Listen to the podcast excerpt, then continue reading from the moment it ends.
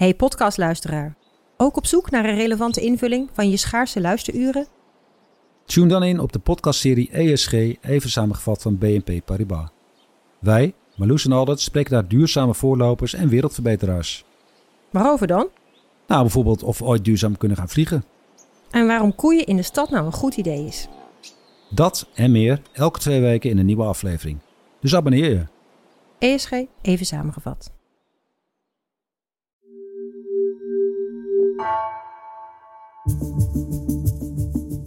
Vanaf de redactie van NRC het verhaal van vandaag. Mijn naam is Reetje Tunter.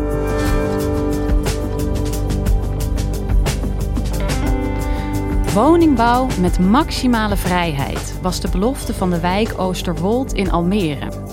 Je eigen droomhuis bouwen en samen de wijk inrichten, tot aan de riolering en de weg aan toe.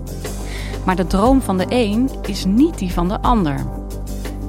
Vijf jaar na de bouw van het eerste huis trekt Freek Schavenzande de wijk in met de vraag: wat is er van deze belofte terechtgekomen?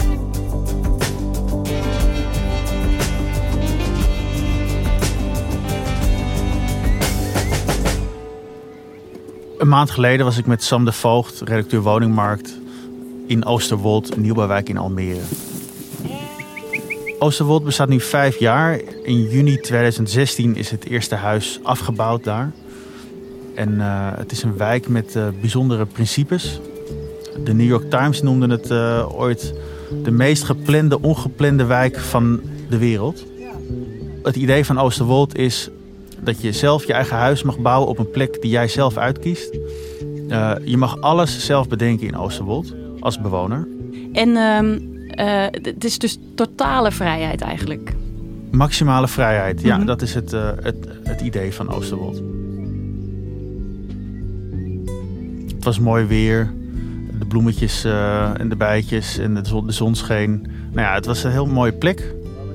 Kwamen we aanwaaien bij Floris en Akke en hun twee kinderen. En die woonden heel mooi in een uh, vrijstaand huis. Kom maar. En ze hebben daar een, uh, een half voetbalveld om het huis heen. Uh, dat is een enorme moestuin. Daar groeien de bonen tegenaan. Dus daar staan alle tuinbonen, peulen, kapucijnes, dat soort dingen. Speciebonen straks. Dan ze verbouwen groenten en fruit. En dat doen ze ook voor 50 gezinnen in Oosterwold. Dus die eten allemaal van die moestuin. En hier langs de randen hebben we bloemen. Ze woonden eerst in Amsterdam, ergens driehoog achter. En uh, toen konden ze, toen nog voor eigenlijk heel weinig geld, konden ze een, uh, een stip zetten op de kaart van Oosterwold, zoals het heet. Uh, dat hebben ze gedaan in 2016 en ze, ze waren daarmee een van, de, een van de eerste bewoners ook ja, een van de eerste. Dus dat ook nog zo'n plek langs die bosrand hebben. Want ja. Ja, die, die, die ging natuurlijk als eerste. En daarna die bosrand. En daarna, en daarna ging alles steeds verder het veld in. Ze hebben heel veel contact met, uh, met buren. Uh, kampvuren en uh, gezelligheid. En ze hebben lammetjes, kippen, schapen. Ze zijn gelukkig. ja, er zijn ook wel veel vrienden die wel echt wel ja, jaloers zijn. Of het wel vet vinden of zo.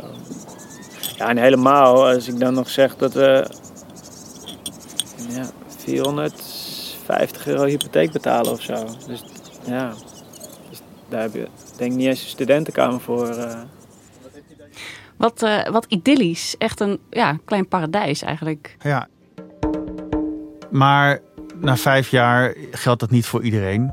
We kwamen erachter dat, uh, dat ook ja, je kan wel mooi de idylle leven in Oosterwold, maar Oosterwold is groter dan, uh, dan dat. En de buitenwereld die mengt zich toch ook wel in, in zo'n wijk. En dat zagen we ook terug. Er is conflict tussen bewoners onderling. Mm -hmm. Er is conflict met de gemeente. En ja, er zijn ook speculanten die azen ook op die grond. Want ja, wie wil, wie wil daar niet een huis bouwen? Ze waren wel benieuwd, wat is er vijf jaar later over van de idealen in de wijk? Even terug naar het begin dan misschien. Want wat waren de idealen dan van deze wijk? Nou, gaandeweg uh, onze zoektochten in Oosterwold kwamen we uit bij Adrie Duivenstein. Dat is de geestesvader van, uh, van de wijk. Hij heeft het bedacht, samen met architect Winnie Maas. Nou, hij zei van ja, wat we kennen, dat is altijd bedacht door woningbouwverenigingen, door corporaties, door projectontwikkelaars. Mhm. Dus die willen gewoon zoveel mogelijk woningen op één plek eh, krijgen. En dat zijn niet, nou, niet bepaald de meest creatieve woningen. Als je al die mensen die in een zaal zitten gaat vragen van, van hoe wil je wonen, eh, komt niemand op de gedachte om te zeggen van, nou ik wil heel graag in een wijk wonen waar eh, alleen maar rijtjeshuizen staan. eh, eh, en waarin eh, alle woningen hetzelfde zijn en misschien hoogstens de gevel anders. Zelf komt hij uit Den Haag. Mhm. En daar zag hij ook dat, eh, dat er werd ook eh, in, zijn, in zijn wijk, de Schilderswijk, eh, werd ook heel veel gerenoveerd. Maar er werd vooral ook heel veel afgebroken. En eh, daar kwamen dan onooglijke flats eh, voor in de plaats. Ja. Ja, dat wilde hij allemaal niet. ja, en nou moet ik zeggen, ik ga zelf binnenkort verhuizen naar wat je toch een rijtjeshuis zou kunnen noemen. Ik heb daar best wel zin in. Maar eh, wat is daar dan mis mee volgens hem? Hij is niet tegen rijtjeshuizen, Mhm. maar, maar hij zegt van oké, we kunnen alles in ons leven eh, zelf bepalen. Ja, je mag in Nederland mag je kiezen op wat voor school je gaat. Je mag kiezen met welke partner je door het leven gaat. Maar een woning, ja, een, een, een woning, eh, daar acteer je niet in. Dat wordt voor jou gedaan. Dus het, eigenlijk is dat, ja, vind ik, een, achtelijk, een achtelijk systeem. Alleen als je heel rijk bent en eh, weet ik veel, een villa ergens eh, op het gooien kan betalen, dan kan je zelf je eigen woonwensen verwezenlijken. Maar hij had zoiets van ja, waarom kun, kan, de, kan de gewone Nederlander dat niet ook? En ehm, hoe, hoe zag dat er in de praktijk dan uit? Het idee was, oké, we hebben een lege kaart en eh, iedereen die eh, zich aanmeldt, die mag dan een stip zetten op die kaart. Ja. En eh, zoals je een beetje in het Wilde Westen vroeger eh, ook eh, kwam te wonen, dat je gewoon dacht van nou, ik zet hier, eh, plant hier mijn vlag en ik zet hier mijn huis neer. Mhm. En, eh, en zo had hij het ook een beetje bedacht. Ja, het belangrijkste principe is dat in tegenstelling tot wat gangbaar is in Nederland, is dat het organische groei is. En dat wil dus zeggen ehm, dat eh, de stad niet eh, helemaal bedacht wordt door, eh, door de overheid. En dat die ook niet bedacht wordt door woningcorporaties of door projectontwikkelaars. Maar dat die ehm, eigenlijk ontstaat op basis van initiatieven van, van mensen zelf, van burgers, van bewoners of van initiatiefnemers. Een soort settlers eh, idee. Ja, eigenlijk wel, ja. ja. En eh, er waren wel een paar regels eh, die hij had bedacht. Eh, een, van die regels is bijvoorbeeld dat je doorwaadbare zones in je, op je Mhm. kavel hebt. En wat is dat precies? Dat betekent dat iedereen er doorheen mag lopen. Dus een pad. Ja. Een andere regel is geen schuttingen. En nog een regel is dat een deel van je kavel, dat je dat gebruikt voor stadslandbouw. En nog een regel was dat ze zelf hun nutsvoorzieningen zouden regelen. Dus eh, de waterleiding, eh, de riolen, de lantaarnpalen, de wegen. Een van de, zijn uitgangspunten was ook democratisering van de woningmarkt. Maar dat kan alleen als iedereen het ook kan betalen. Mhm. En in Almere was daar ook de kans toe. Want, en dat was bijzonder daar.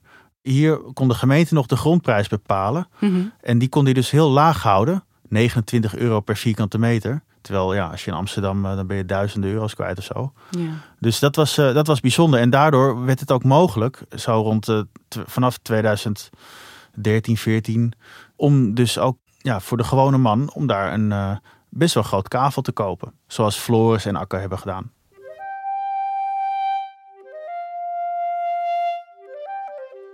Eh, dus er waren wel degelijk dingen die de bewoners daar hè, moesten afvinken. Dat kon heus niet zomaar alles.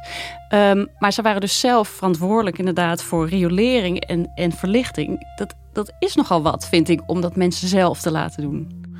Nou ja, het idee is juist dat je overal lukraak de kaart een, eh, een huis neer kan zetten. Met als gevolg dat je aan de hand daarvan pas kan bedenken waar dan eigenlijk een weg komt of, een, eh, of waar de afwatering. Ja, precies. Anders beknot je die vrijheid te veel eigenlijk. Klopt. Maar dan moeten mensen er inderdaad onderling dus uitkomen. Ja, en, eh, en dat, heel vaak gaat het ook hartstikke goed hoor. Maar eh, er zijn ook een aantal voorbeelden waarin dat eh, niet bepaald goed ging. Je hebt bijvoorbeeld eh Tuurluursveld Zuid. Dat is een, eh, een van de grotere buurtjes in eh, Oosterwold. En daar was een eh, hele lange weg eh, aangelegd om bij de eerste bewoners uit te komen. Die hadden hem zelf aangelegd. Maar daarna eh, gingen andere bewoners, die gingen weer een stip zetten op een heel andere plek. Helemaal niet in de buurt van die weg. En dan moesten er weer zijwegen komen. En dan hadden er weer andere bewoners die dan aan die weg ook woonden, die hadden daar weer bezwaar tegen. Want dan had je opeens, hadden ze twee wegen naast hun huis.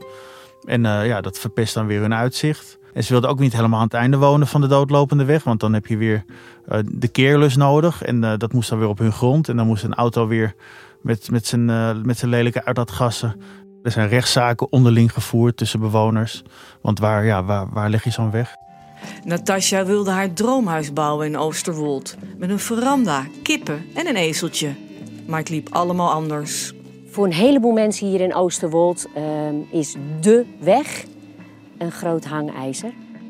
Ze had een aantal wegbesprekingen met haar potentiële buren gemist. En toen bleek de weg over haar kavel te zijn getekend. Dat, ik zeg, nou, dan klopt het niet.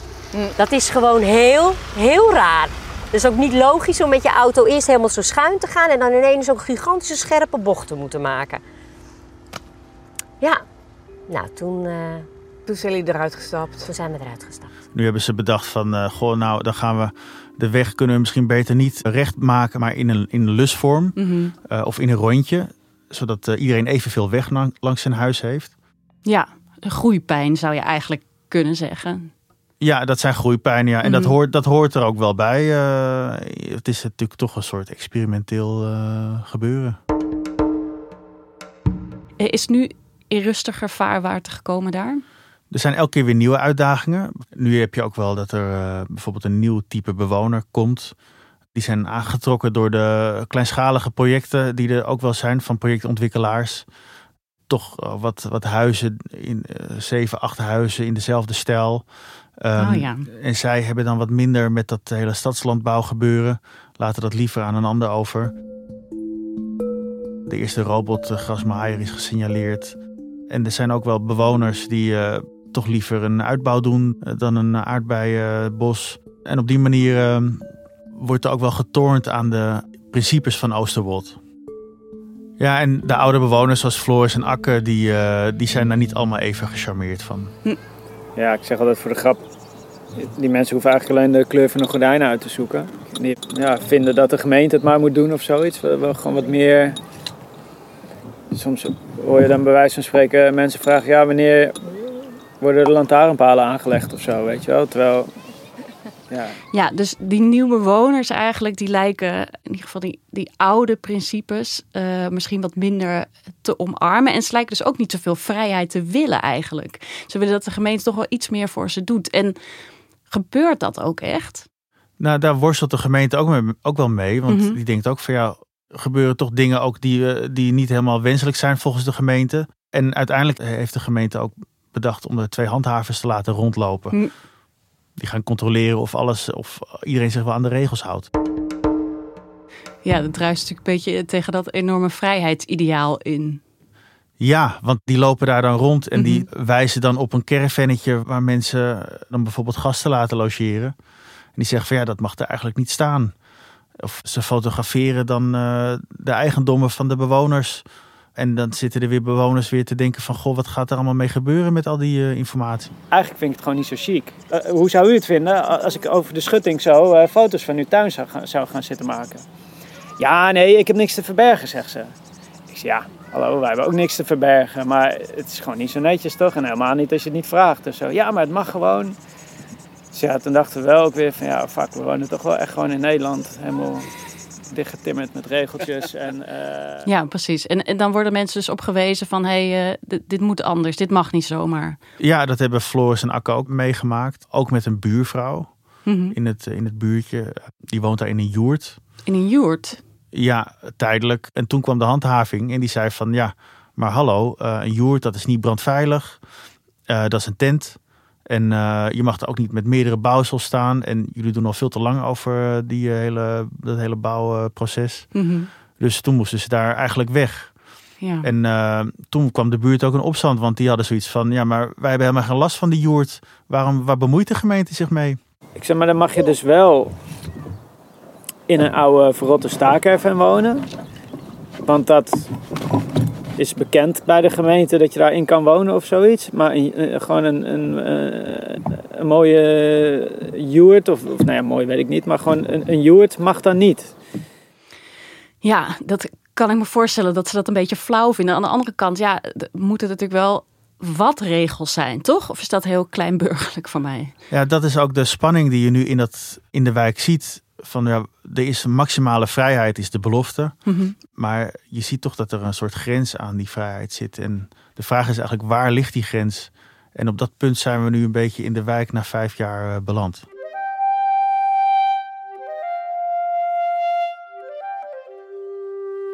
Ja, dus je zou kunnen zeggen, eh, Oosterwold is op een soort kantelpunt beland misschien wel. Van, eh, van, vanaf hier kan je misschien zien waar het in de toekomst heen zou kunnen gaan. En hoe ziet de toekomst van Oosterwold eruit? Blijft het idealisme bewaard of wordt het toch een beetje een normale zelfbouwwijk langzamerhand? Ja, Adrie Duivestein die eh, liet ons ook eh, wat kaarten zien. Waaruit ook bleek dat in de volgende fase van Oosterwold eh, de grond niet meer van de gemeente is, maar van een aantal projectontwikkelaars. Die hebben dat toch weten op te kopen. En eh, die willen daar toch ander soort eh, bouw dan, eh, dan hij voor ogen heeft. Er is bijvoorbeeld nu al een wijkje gepland met, met 300 rijtjeshuizen. waarbij toch alles is geclusterd, zoals het heet. Dus de stadslandbouw is uitbesteed aan een boer. Dus dat lijkt eigenlijk wel weer op een gewone wijk. Maar aan de andere kant zie je ook dat de bewoners, de oude bewoners, ja, dat die toch ook eh, heel blij zijn met, met hun, eh, hun leven in Oosterwold. En hoe kijkt Adrie Duivenstein, de geestesvader, nou aan tegen die ontwikkeling in Oosterwold? Want je kan wel zeggen, het is eigenlijk steeds meer gaan afwijken van het droombeeld dat hij oorspronkelijk voor ogen had. Nou, dat dreigt nu te gebeuren met de volgende fase. Ja, Maar als, als hij door de huidige fase loopt, eh, vertelde hij ons, dan is hij toch vooral heel trots op, eh, op wat hij ziet. Wat mij eh, bijna vertedert, dat is dat ik, dat ik daar zo'n ongelooflijke verscheidenheid tegenkomt. En ook zo'n groot enthousiasme bij de mensen die zelf iets creëren. dat je, zoals ik het beleef, dat je van verrassing naar verrassing gaat. Je komt altijd iets tegen. Ik praat niet over wat, of het mooi of lelijk is, hè, want dat is een smaakkwestie. Maar het is altijd onderscheidend. En ehm, Floris en Akke, hè, dus de mensen van de eerste generatie, ehm, hoe kijken zij naar de toekomst van deze woonwijk? Ja, ze zijn wel bang dat het, de idealen wat verwateren. En wel dat het, denk ik, de uitdaging is bij de gemeente. Hoe langer het project duurt, hoe moeilijker het ergens wordt om de bedoeling vast te houden. Nou ja, dat raakt op een bepaalde manier wel steeds verder weg. Dus het aantal mensen dat echt gaat staan voor wat hier beoogd werd en wordt, dat, ja, dan weet ik niet of dat nog hetzelfde is. En dat is wel eh, ja, voor de lange termijn natuurlijk wel een vraagstuk. Ik woon zelf in een nieuwbouwhuis, neergezet door de BAM. Samen met nog duizenden andere woningen in Nederland die precies hetzelfde zijn. Ja, een rijtjeshuis. Dus. Een rijtjeshuisje, alleen het frontje is eh, soms wat anders. Mhm. Prefab. Ik geloof dat in mijn slaapkamer ook een pakskast staat van Ikea. Precies op de plek waar de bouwer ook had bedacht dat je je pakskast neerzet. Dus dat Ja. is helemaal gelukt. Ja. Ik ben eigenlijk wel eh, domweg eh, gelukkig, kan ik Ja. zeggen. Ja. Eh, Maar goed, ja, iedereen zijn, eh, iedereen zijn keuze natuurlijk. Hè. En dat is natuurlijk ook wat Adrie Duivenstein eh, voor ogen had. Dat iedereen zelf mag beslissen hoe hij woont. En iedereen wil zijn eigen droomhuis bouwen. Maar iedereen heeft natuurlijk ook wel weer een eigen droom. Dankjewel, Freek. Graag gedaan. Je luisterde naar Vandaag, een podcast van NRC. Eén verhaal elke dag. Deze aflevering werd gemaakt door Felicia Alberding, Henk Ruigrok van der Werven en Jeppe van Kesteren. Dit was vandaag, morgen weer.